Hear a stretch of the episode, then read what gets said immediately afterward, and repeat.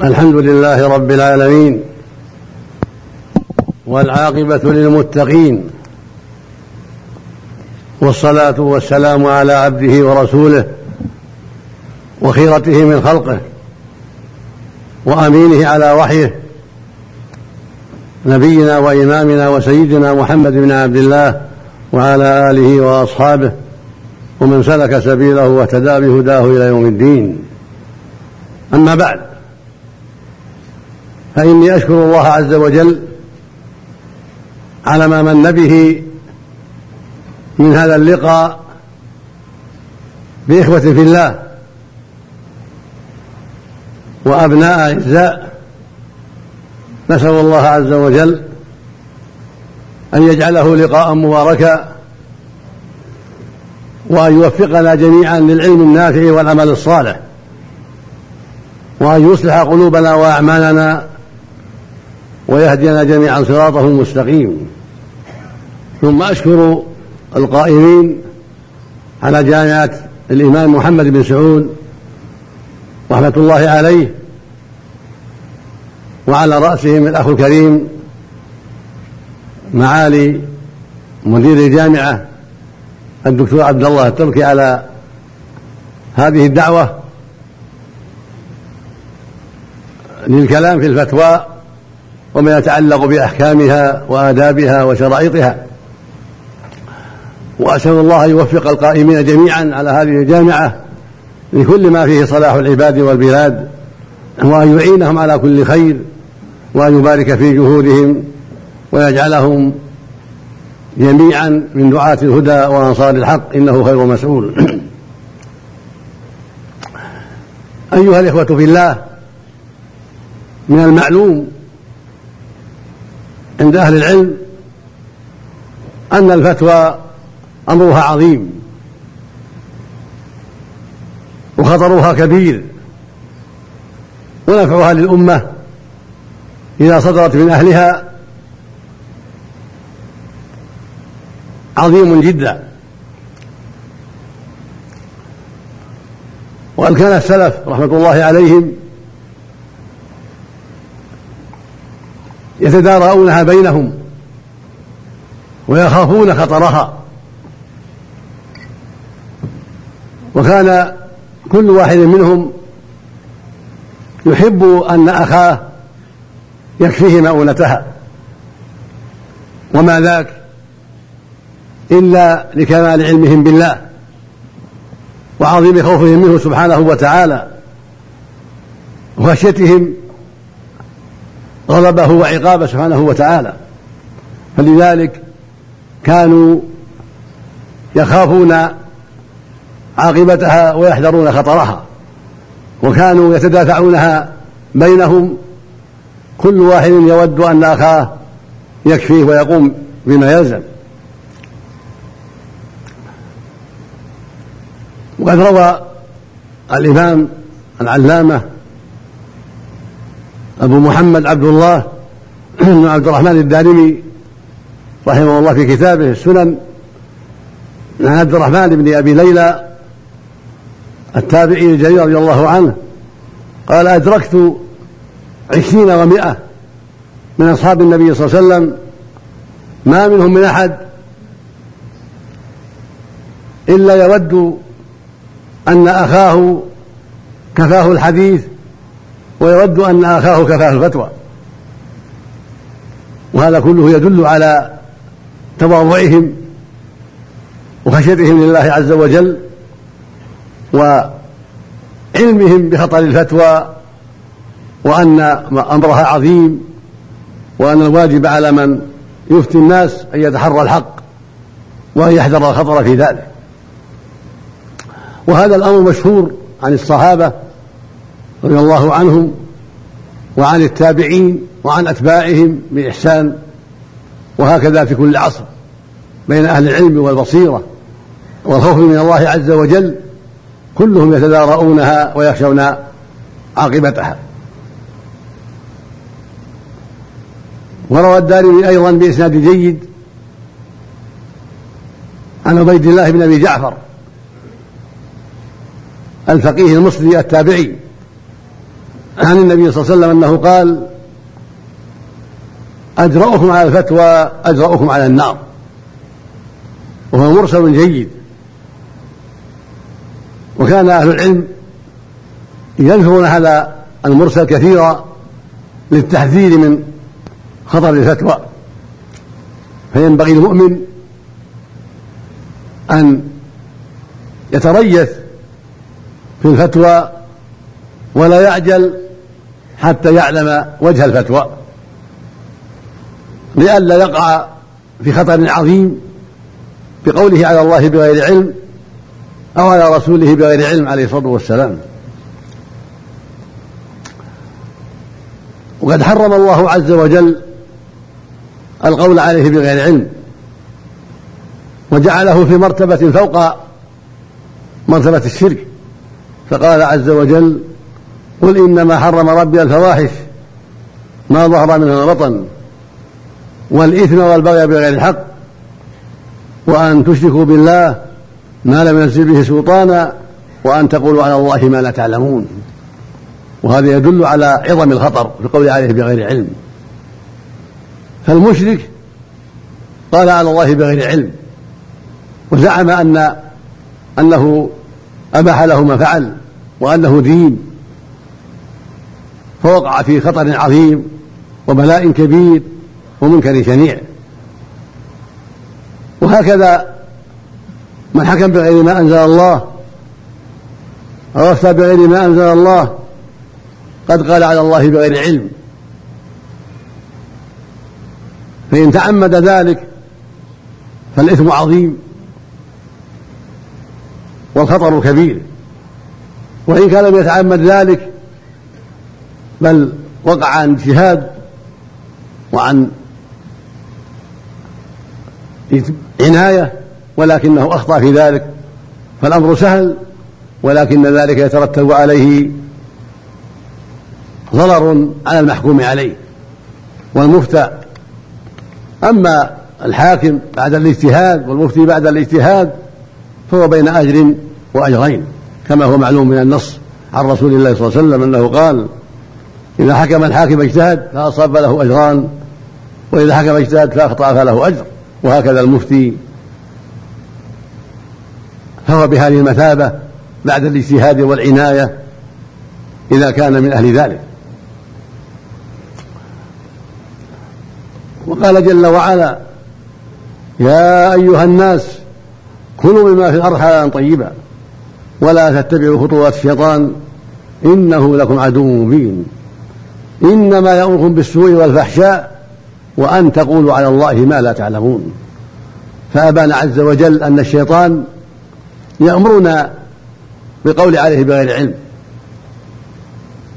فعلم بهذا أن القول على الله بغير علم من الكبائر العظيمة والمحرمات الشنيعة وأنه أيضا من طاعة الشيطان ومن امتثال أوامر الشيطان.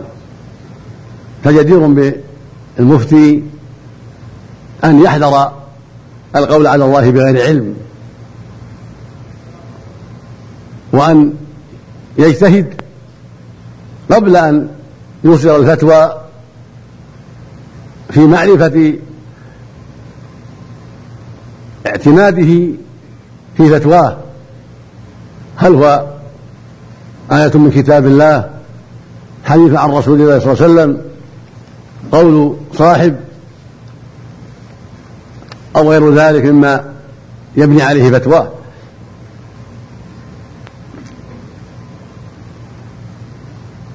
ولا ريب أن المقام يحتاج إلى أهلية وبصيرة بما قاله الله ورسوله وبما قاله أهل العلم وأوضحوه وبينوه وبالآثار الواردة عن الصحابة رضي الله عنهم وعن غيرهم من التابعين وأتباعهم وعن علم واسع بالقياس حتى يصير إليه عند الضرورة.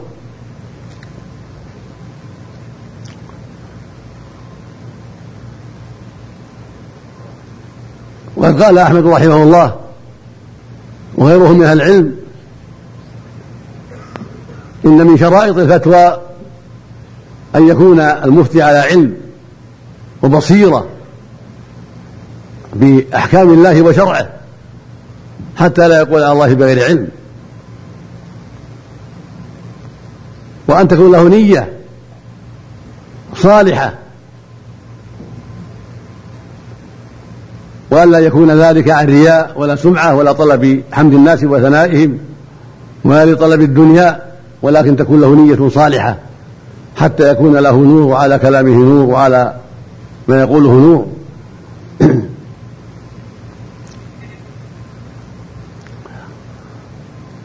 وقال أحمد رحمه الله ينبغي أن يتخلق المفتي بصفات بصفات خمس.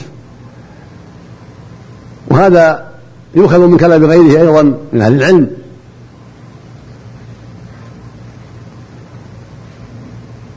وهي أن يكون ذا نية صالحة وإخلاص لله في فتواه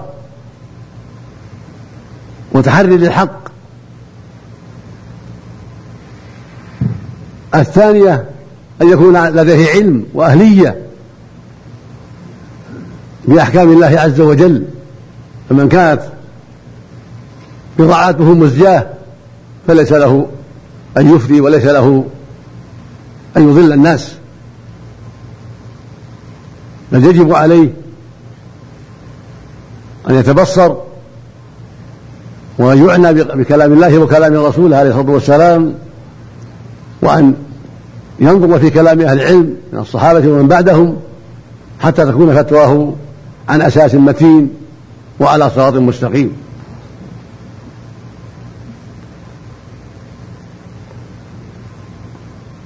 وسبق الحديث المشهور المرسل أجرأكم على الفتوى أجرأكم على النار. فلا بد من علم من أعظم الشرائط العلم ومن أعظم الأخلاق التي يتخلق بها المفتي العلم والبصيرة. وأن يكون لديه معلومات كافية بكلام الله وكلام رسوله حتى يستطيع أن يفتي الناس وأن يوجه الناس إلى الخير وأن يعلمهم أحكام الله عز وجل.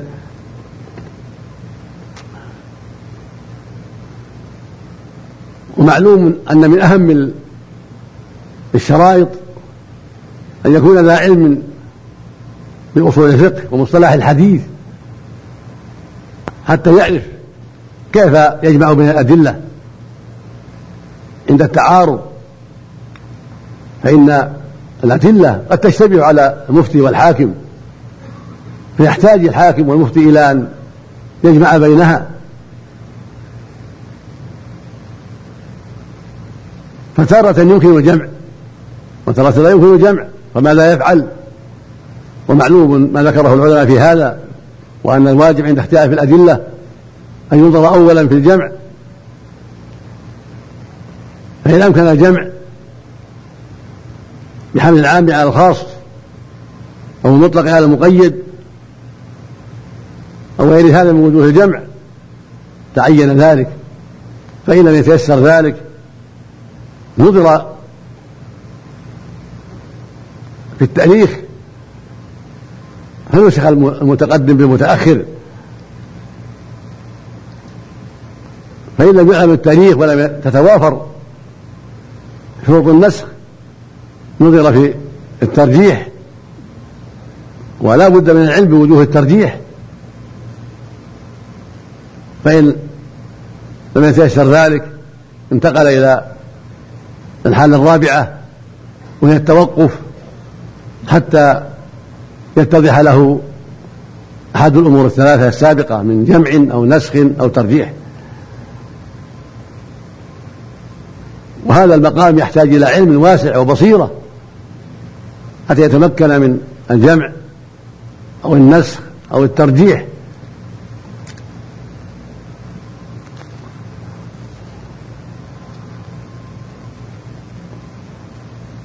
قال والأمر الثالث قالوا رحمة الله عليه الأمر الثالث الحلم والصبر والتحمل. فالمفتي يحتاج إلى هذا كما يحتاجه القاضي يحتاج إلى حلم ورفق وصبر وتحمل حتى لا يغضب وحتى لا يتأذى بالناس ويتبرم بالناس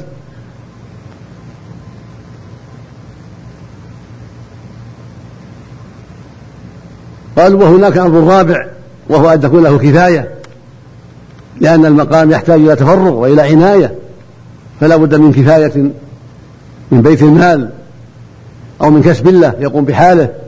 حتى يستغني عن الناس وحتى لا يحتاج إلى الناس. فإذا قد يحتاج إلى الناس وقد تحمله الحاجة إلى أن يميل إلى من أحسن إليه وإلى أن يفتيه بما يناسبه فيهلك.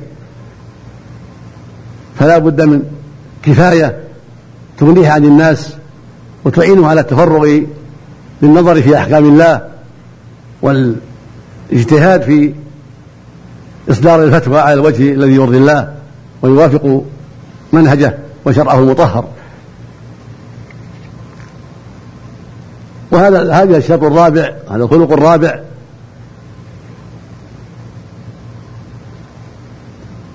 قد يحصل للمؤمن من أي جهة؟ من بيت المال من وقف من وصية من كسب له يعينه الله عليه من انفاق والد أو ولد إلى غير هذا.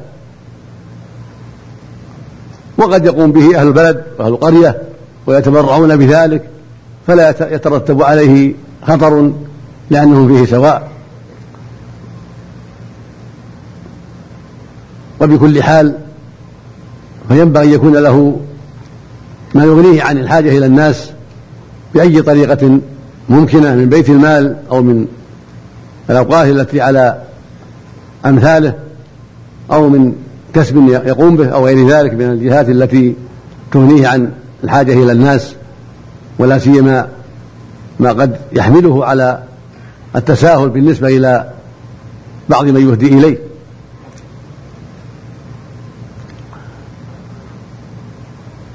قالوا وهناك أمر خامس مهم ينبغي يكون من خلقه ومن صفته وأن يعنى به وهو أن يكون بصيرا بأحوال الناس عارفا بلغاتهم وأعرافهم واصطلاحاتهم حذرا من خداعهم ومكرهم. له دراية تامة بما هم عليه من أخلاق وأعمال وأعراف وحيل ومكر وغير ذلك حتى لا يخدع وحتى لا يلبس عليه أمر الاستفتاء.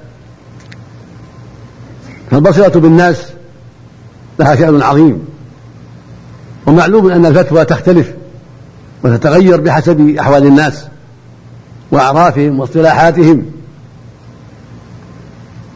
فمن أخذ الفتوى من الكتب وأفتى على غير بصيرة في أحوال الناس غلط كثيرا وأخطأ كثيرا. ونبه ابن القيم رحمه الله في كتابه الإعلام على هذا المعنى ونبه على هذا المعنى ونبه غيره. فمن الأوصاف التي ينبغي يتخلق بها المفتي بل يجب أن يكون بصيرا بها علمه بأحوال الناس علمه بأحوال مجتمعه وأعرافهم واصطلاحاتهم وما هم عليه من ديانه واستقامة أو ضد ذلك. حتى يتحرز في فتواه وحتى يتثبت في فتواه وحتى يتبصر في معاني ألفاظهم وحتى يسألهم عن مرادهم ويسأل غيرهم ممن له درايه بأعراف البلاد واصطلاحاتهم في ما يقولون وما يعملون.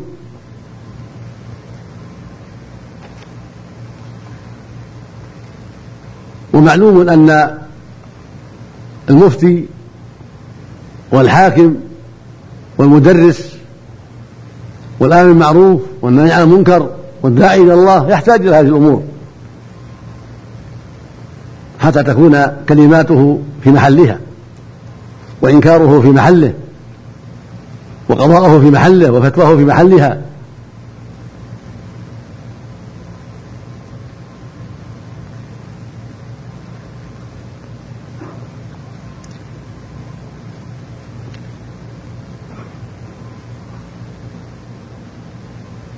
وقد يصطلح بعض الناس على ألفاظ تدل على معنى مغاير كثيرا من المعنى الذي في الألفاظ الشرعية والألفاظ المعروفة في لغة العرب. فيغلط كثيرا من يعتمد على الألفاظ الشرعية ويطبقها على هؤلاء الذين لهم عرف آخر ولهم اصطلاحات أخرى وهكذا الألفاظ اللغوية. فالمقصود أن هذا أمر عظيم جدا وخطير جدا بالنسبة إلى المفتي وغيره المفتي والحاكم والمدرس والداعي إلى الله والآمر بالمعروف والنهي عن المنكر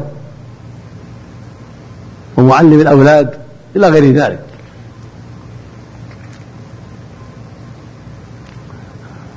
ثم العلوم التي يبني عليها الفتوى ويعتمدها في إفتائه. بين أهل العلم تلك الأصول التي يجب أن يلتزم بها المفتي والحاكم. وكان أحمد رحمه الله بنى فتواه على أصول خمسة ذكرها أصحابه وذكرها ابن القيم رحمه الله في كتابه الإعلام وذكرها غيره. وهي في الحقيقة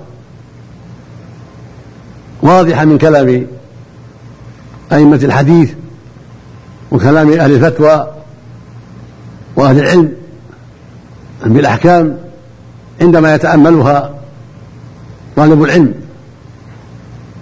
فقد جعل فقد بنى رحمه الله مذهبه على تلك الأصول التي بينها أصحابه وهي خمسة.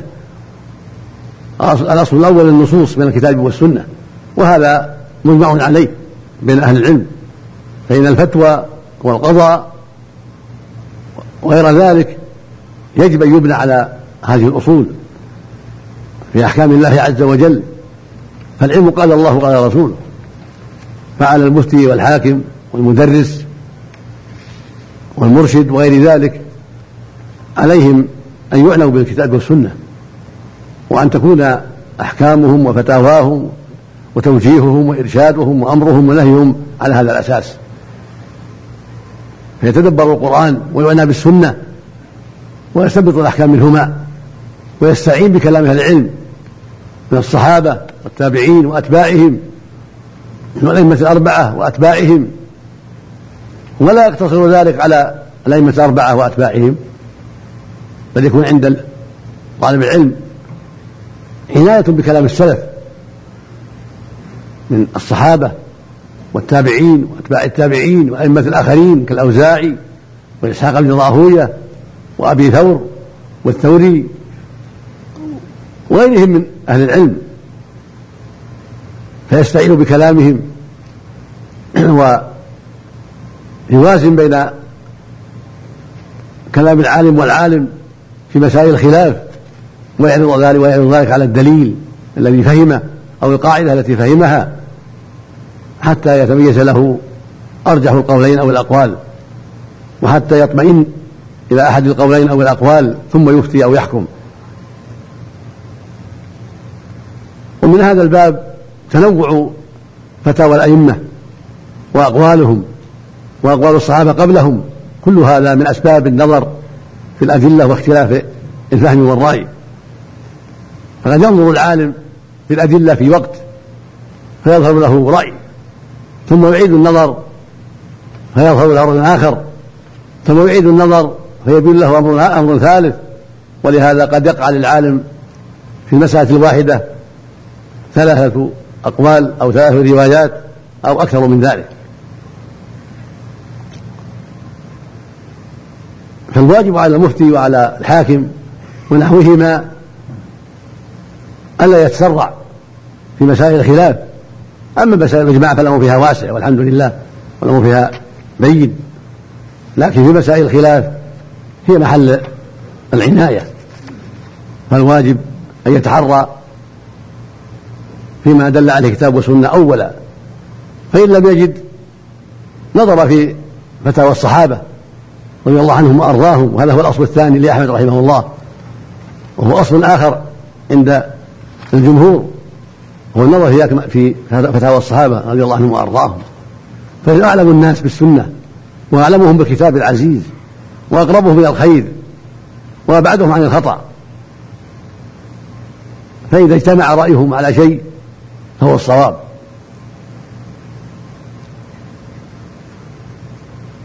وإن اختلفوا نظر العالم في أقوالهم وهذا هو الأصل الثالث لأحمد رحمه الله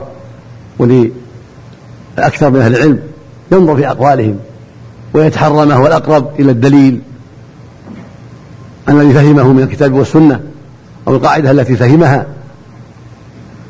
فما كان أقرب إلى أصول الشريعة وقواعدها أخذ به من أقوالهم.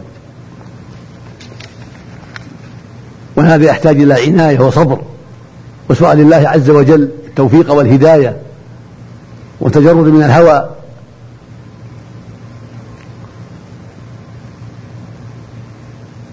فإن لم يجد نظر في المرسلات والأحاديث الضعيفة التي ليس فيها لم تتوافر فيها شروط الصحة وهذا أصل رابع. هذا المقام قد يقدمه العالم على أقوال الصحابة وقد يؤخره على حسب اجتهاده. فقد يبين للعالم صحة الحديث وأنه صالح للحجة فيقدم على أقوال الصحابة وقد يضعف ولا يقوى فيقدم عليه أقوال الصحابة لأنهم أمس بالمقام وأعلم بسنة الرسول صلى الله عليه وسلم وأقرب الناس عهدا إلى التشريع. هذا المقام مقام عظيم. فإن التضعيف يختلف فيه أهل العلم. فقد يقوى الضعف وقد يضعف. وقد يتأيد المرسل بمرسل آخر أو بحديث فيه ضعف. وقد لا يتأيد هذا المقام الرابع مقام يحتاج إلى عناية من المفتي والقاضي ونحوهما في جمع الأدلة وضم بعضها إلى بعض. فإذا ترجح عنده ثبوت ذلك عن الرسول صلى الله عليه وسلم وأن هذه الأدلة المتنوعة يطمئن إلى أن معناها صحيح وأن مثلها ينبغي أن يقدم على قول الصحابي قدمها. وإلا قدم أقوال الصحابة في المقام على تلك الأحاديث التي فيها الضعف أو تلك المراسيل. فالمقام مقام عظيم جدا. والغالب أن من تجرد لله وأصلح نيته ونظر في الأدلة وجمع بعضها إلى بعض واعتنى بما قاله أهل العلم في كتب الحديث فإنه في الغالب يوفق ويهدى إلى الصواب ويعلم الراجح من المرجوح ويتضح له, ويتضح له حال تلك المرسلات أو الأحاديث التي فيها الضعف هل يعتمد مثلها أو لا يعتمد. أما الأمر الخامس فهو القياس وهذا مثل ما قال الشافعي وغيره عند الضرورة إذا لم يجد مساغا إلا القياس رجع إليه. ومهما وجد قبله ما يدل على الحكم أخذ به من هذه الأصول الأربعة.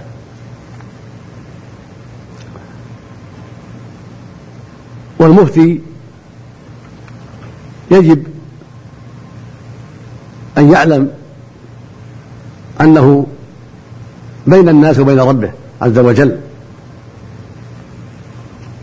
وأن الناس يعتمدون على ما يقول وينسبونه إلى شرع مطهر فيجب عليه أن يراقب الله عز وجل وأن يحذر أي تساهل في ذلك وأن يكون على أخلاق وصفات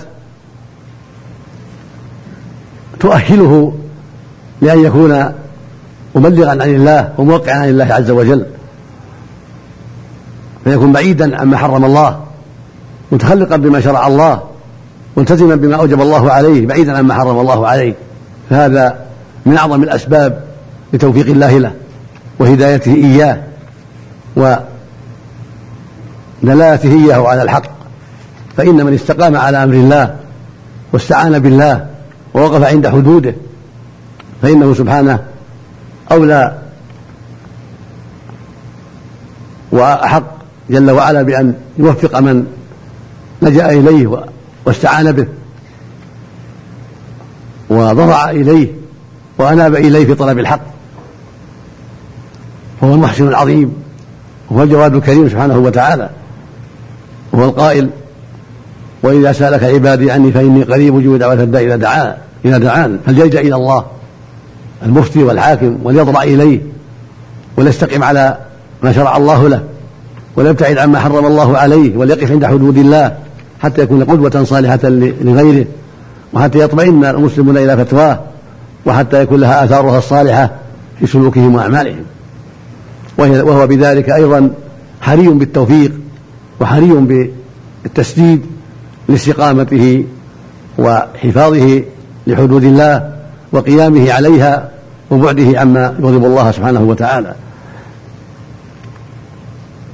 وأسأل الله عز وجل أن يوفقنا وإياكم لما يرضيه وأن يمنحنا جميعا الفقه في دينه والثبات عليه وأن ينصر دينه ويعلي كلمته وأن يهدينا جميعا صراطه المستقيم وأن يوفق ولاة أمر المسلمين جميعا لما فيه صلاح العباد والبلاد. إنه ولي ذلك والقادر عليه وصلى الله وسلم على عبده ورسوله نبينا محمد وعلى آله وأصحابه وأتباعه بإحسان.